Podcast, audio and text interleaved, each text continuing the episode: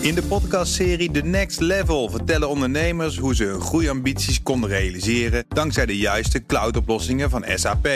Wat waren de uitdagingen, de oplossingen en hoe ging de uiteindelijke implementatie? Benieuwd naar hun verhalen en hoe zij met behulp van SAP ook hun toekomstige ambities kunnen behalen? Luister de podcast The Next Level via de BNR-app of je favoriete podcast-app. BNR Digitaal wordt mede mogelijk gemaakt door SecureLink. SecureLink, safely enabling business. BNR Nieuwsradio.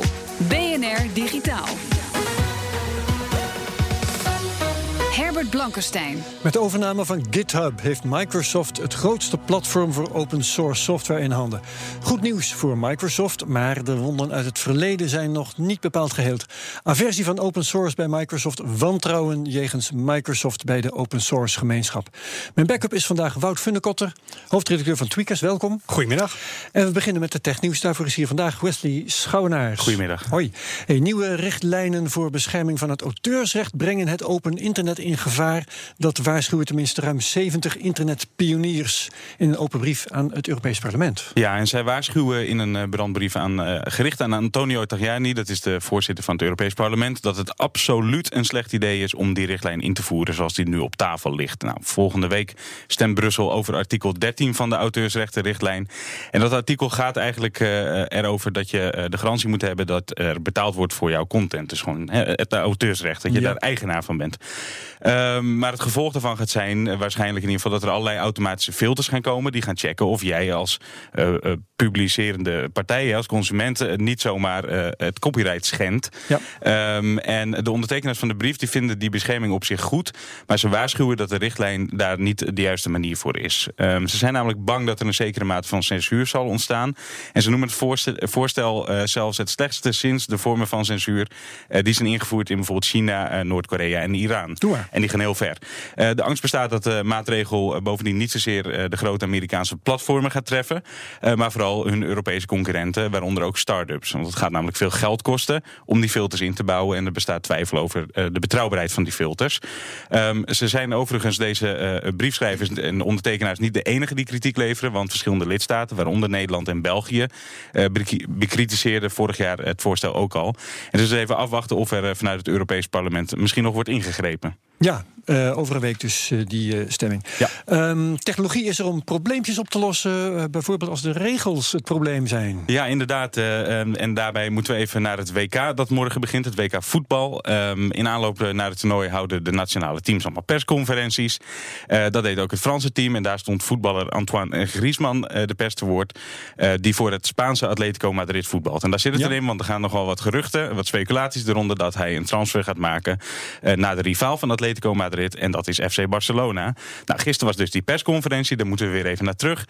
En daar was één duidelijke regel ingesteld: er wordt alleen Frans gesproken. Nou, om andere uh, Spaanse journalisten het lastig te maken, waarschijnlijk ook om uh, vragen te stellen over die tra vermeende transfer. Dat is de, de gedachte die nu rondgaat. Mm -hmm. Nou, dan komen we weer bij de Spaanse journalist Pedro Morata. Want die beste man die spreekt geen Frans. En die dacht slim te zijn. En daar zijn we bij de technologie, want hij maakte gebruik van zijn smartphone om toch een vraagje te kunnen stellen. Dat. Où Je voulais vous demander si vous avez pris la décision de continuer à l'Atlético Madrid ou si vous allez jouer dans Barça. Non, oh bon, question suivante. Vous passez à côté, s'il vous plaît. Zo zijn we niet getrouwd, zegt de persvoorlichter. Ja, dat zegt hij op zijn Frans. Je hoort het al, die persvoorlichter, die was het er niet mee eens. Pech dus voor Pedro, de journalist. Al krijgt hij wat mij betreft wel echt complimenten voor zijn poging. Ja, dankjewel Wesley voor dit mooie verhaal. BNR Nieuwsradio. Digitaal. Microsoft heeft 7,5 miljard dollar neergelegd voor GitHub. Daarmee is het eigenaar geworden van een open source platform met 28 miljoen softwareontwikkelaars, 85 miljoen projecten en miljarden regels aan code. Leuk voor Microsoft, maar veel softwareontwikkelaars herinneren zich nog de haat tegenover open source. Van onder andere Steve Ballmer, die vond dat open source maar een kankergezwel was. Bij ons in de studio zijn Tom Verhoef, eigenaar van Metilium, waar hij software ontwikkelt voor Microsoft-platforms. Welkom, Tom.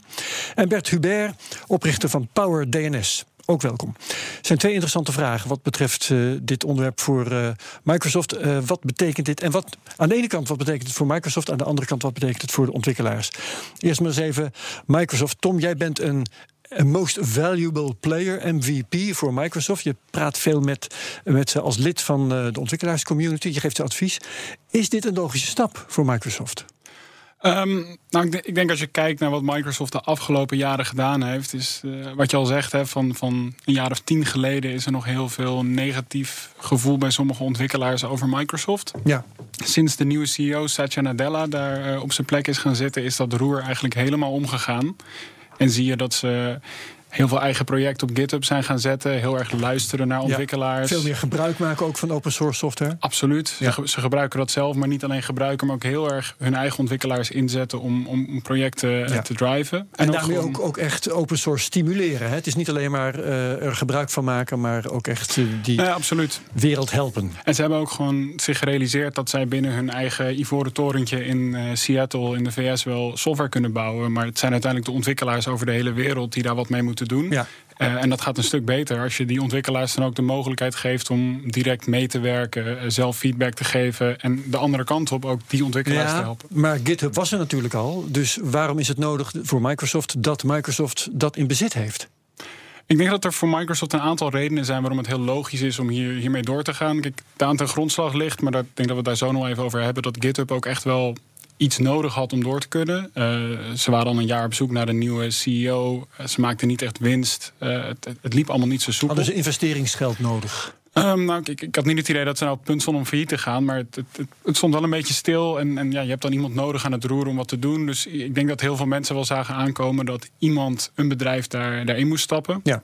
En als je kijkt hoeveel Microsoft zelf geïnvesteerd heeft in ook hun eigen project op GitHub, door, door heel veel van hun eigen platformen daarheen uh, te moven. En het hangt er een beetje vanaf naar welke statistiek je kijkt. Maar ze zijn een van de grote contributors, grote organisaties op GitHub ook, qua projecten en, uh, enzovoort. Um, dus ze hebben eigenlijk ook wel een beetje een afhankelijkheid gecreëerd daar. Omdat bijvoorbeeld al hun documentatie voor ontwikkelaars. Uh, dat zijn gewoon websites waar je alle informatie vindt over ontwikkelen met Microsoft Frameworks. Wat wij zeg maar elke dag gebruiken. Mm. Iedereen kan dat nu wijzigen en daar bijdrages aan leveren. En dat doen ze via GitHub. Dus je gaat naar een Microsoft-pagina, je denkt dit klopt niet. Er zit een edit-knopje en dan ga je automatisch op GitHub wijzigingen doen. Dus voor hun zat er denk ik ook wel gewoon een risicootje van, van als een ander bedrijf hiermee aan de slag gaat, ja. dan valt daar een heel gat. Ja, en dat beter zelf pakken. Ja. Ja. Even kijken naar uh, Wout Funnekotter, mijn backup. Um, was jij verbaasd toen je hoorde dat Microsoft deze aankoop deed? Aanvankelijk wel. En uh, vooral het bedrag waar we het hier over hebben. Want uh, Tom zegt net zelf, ze maakten geen winst. Dus een niet winstgevend bedrijf 7,5 miljard inpompen, dat is wel veel. Ja. Maar ik denk naast het argument wat jij geeft over dat Microsoft er afhankelijkheid van heeft, wat is het alternatief? Het alternatief is zelf een dienst opstarten.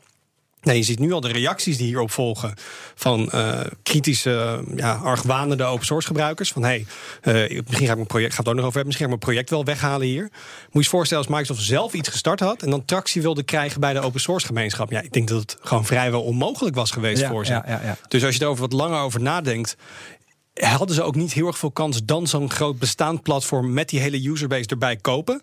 Want ik zie niet voor me hoe ze dit zelf hadden kunnen opbouwen. Nee. Nou, sterker nog, uh, Microsoft had Codeplex, wat eigenlijk een soort GitHub was. Gewoon een platform voor uh, open source projecten. En dat komt uit dezelfde tijd ongeveer, zo 2006, 2007.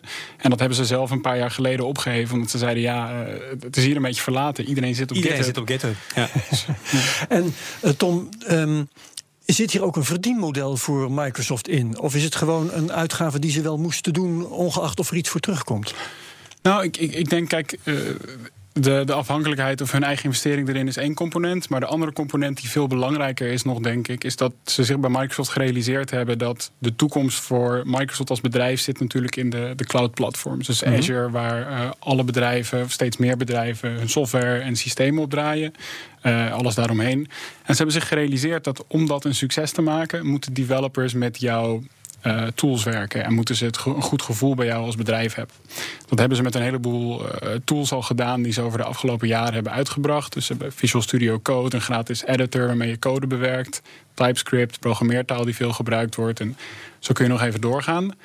Um, GitHub is eigenlijk een perfecte aanvulling erop. En dat heeft uh, de CEO ook in zijn blogpost gezegd. Om echt vanaf de allereerste stap die jij als ontwikkelaar neemt om iets op te zetten tot het uiteindelijke publiceren en hosten en draaien van je applicatie. Ja. Daar is GitHub eigenlijk een soort van tussenstap in die daar perfect in past. En dan praat je ook eigenlijk eh, over wat het gekost zou hebben als ze deze uitgave niet had, hadden gedaan. Ja, en nou, met nog meer denk ik.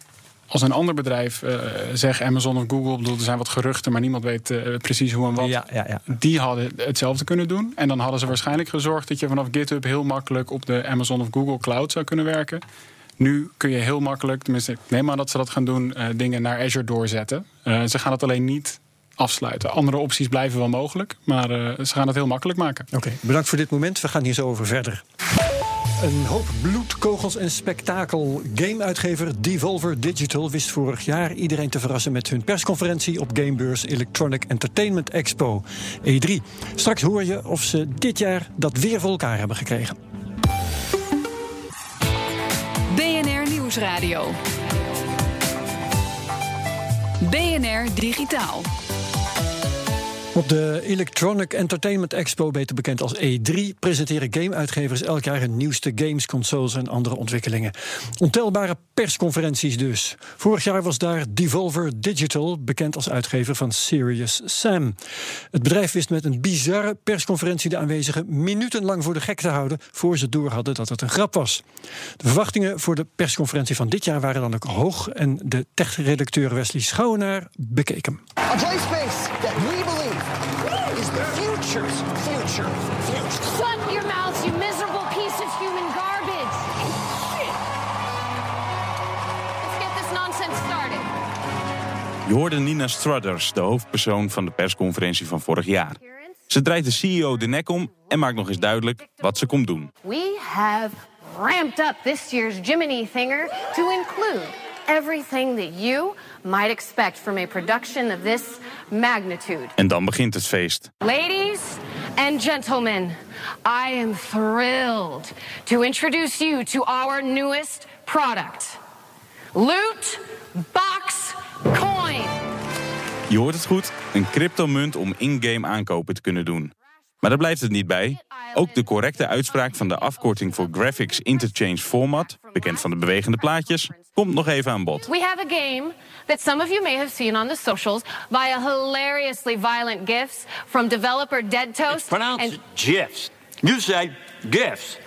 It's an acronym. Acronyms pronunciation is determined by the creator of the De beste man had beter zijn mond kunnen houden, want hij wordt zonder pardon aangevallen met een vlammenwerper. In tegenstelling tot vorig jaar presenteerde Devolver Digital dit keer wel een paar echt nieuwe games. Waaronder Scam en My Friend Pedro. I've never been particularly fond of violence, but these are bad people. Bad people that need to be stopped. So let's get crazy. Let's get weird. Let's get, well, bananas.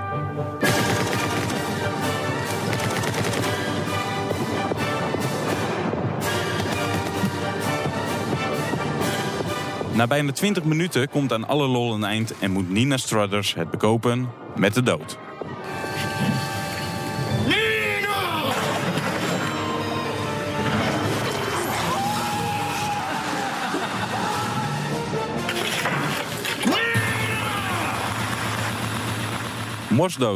Zou je zeggen. Of toch niet. We get the best of both worlds. The fastest reflexes modern technology has to offer. Onboard computer assisted memory and a lifetime of Devolver Digital executive programming. It is my great pleasure to introduce to you Nina motherfucking Struthers. Ja, persconferenties zullen nooit meer hetzelfde zijn. Je hoorde een bijdrage van Wesley Schouwenaars. De hele bijzondere persconferentie van Devolver Digital vind je na de uitzending terug op bnr.nl slash digitaal. BNR Nieuwsradio. Herbert Blankenstein. En we hebben het over de overname van GitHub door Microsoft. Bij mij te gast zijn Tom Verhoef van Metilium, Bert Hubert van PowerDNS en Wout Funnekotter van Tweakers is mijn backup. Bert Hubert, we hadden jou nog niet gehoord. Waarom is GitHub voor softwareontwikkelaars zo belangrijk? Het, het is bijna niet te overdrijven hoe belangrijk het is. Um, softwareontwikkelaars moeten samenwerken. Iedereen die wel eens samen aan een Word-document heeft gewerkt, weet hoe lastig het is om dat te coördineren. Binnen de kortste keer heb je uh, persconferentie 1.doc, persconferentie 1.1.doc, 1.1 final, 1.1 final nu echt.doc.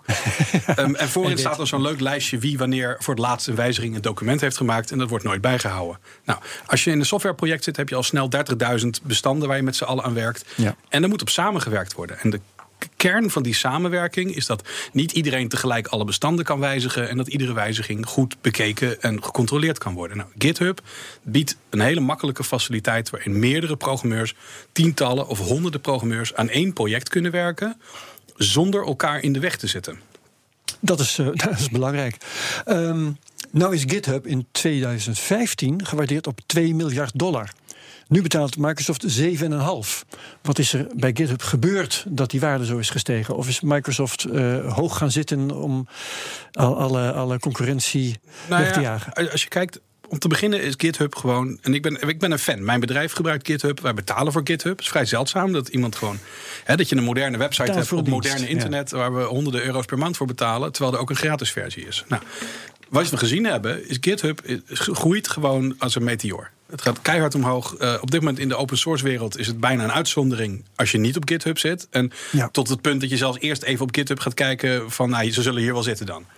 Ehm, die groei was heel goed. En eh, ook in het bedrijfsleven eh, zijn er veel grote bedrijven, General Electric en dat soort achtige bedrijven, die hebben hun eigen GitHub-installaties en die betalen daar enterprise volumes geld voor. En dat is dus niet 100 euro per maand. Dat zijn bedragen waar je GitHub engineers bij krijgt. Dus het is niet heel gek als je van buitenaf naar dat bedrijf kijkt. Dan zie je, nou, ze zijn goed bezig, zit keiharde groei in. Ze zijn de kern van wat iedereen doet. Dus Microsoft denkt misschien wel, wij kunnen daar serieus geld uithalen. Want zij zijn natuurlijk heel bedreven in het eh, als een business runnen van zo'n eh, van zo'n ja, site. Dat, dat weet ik. Kijk, ik ben niet zo'n. zo'n ik, ik weet niet wat Microsoft denkt. Uh, we kunnen wel naar het verleden kijken. Nou, ze hebben bijvoorbeeld een LinkedIn overgenomen. Onder dezelfde soort argumentatie van. Nou, daar zitten gegevens van iedereen in. Er zitten mensen in werkprocessen, sollicitaties.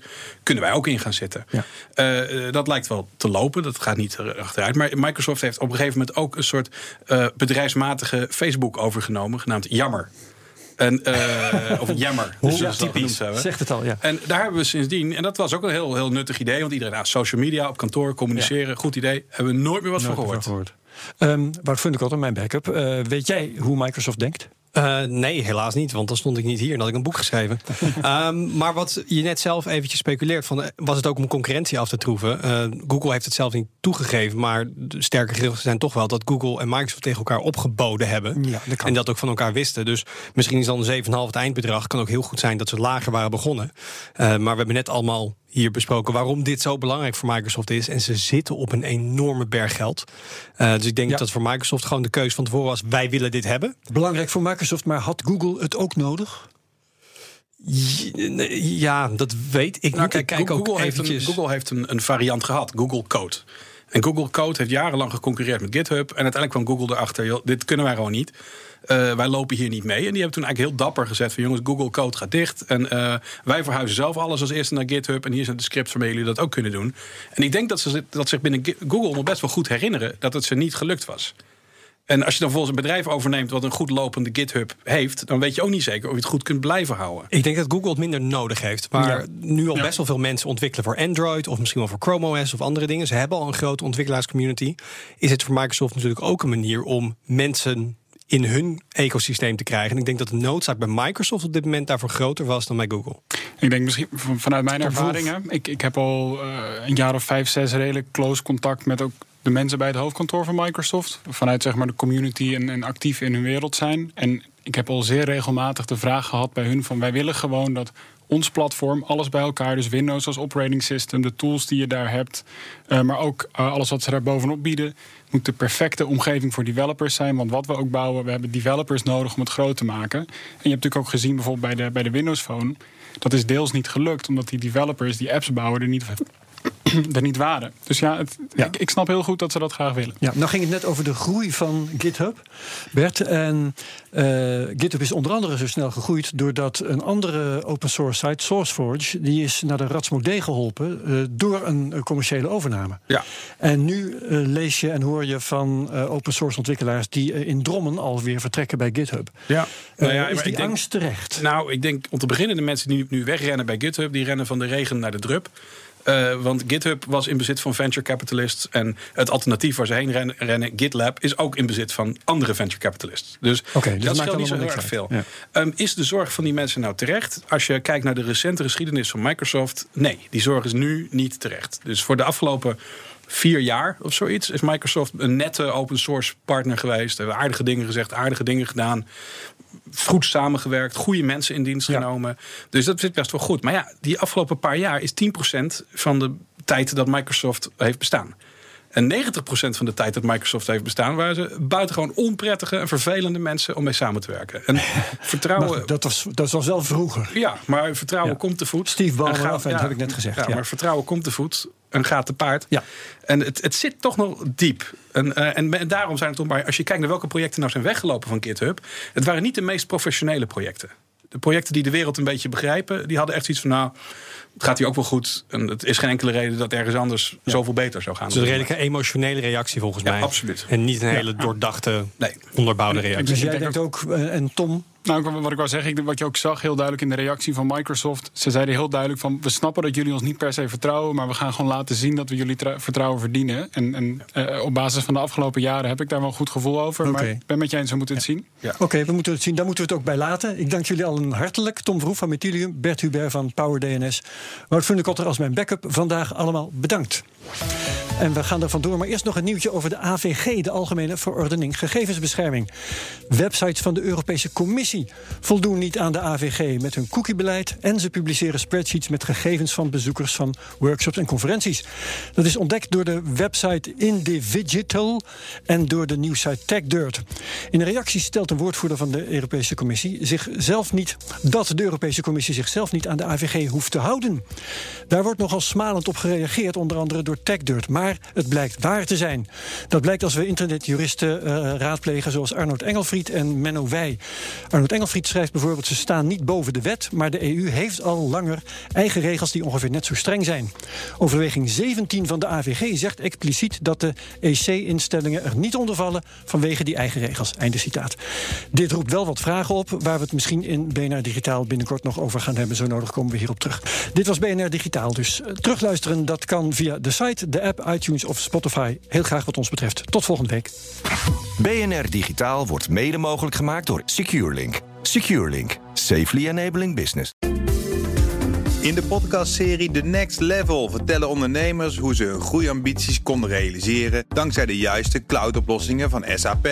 Wat waren de uitdagingen, de oplossingen en hoe ging de uiteindelijke implementatie? Benieuwd naar hun verhalen en hoe zij met behulp van SAP ook hun toekomstige ambities kunnen behalen? Luister de podcast The Next Level via de BNR-app of je favoriete podcast-app.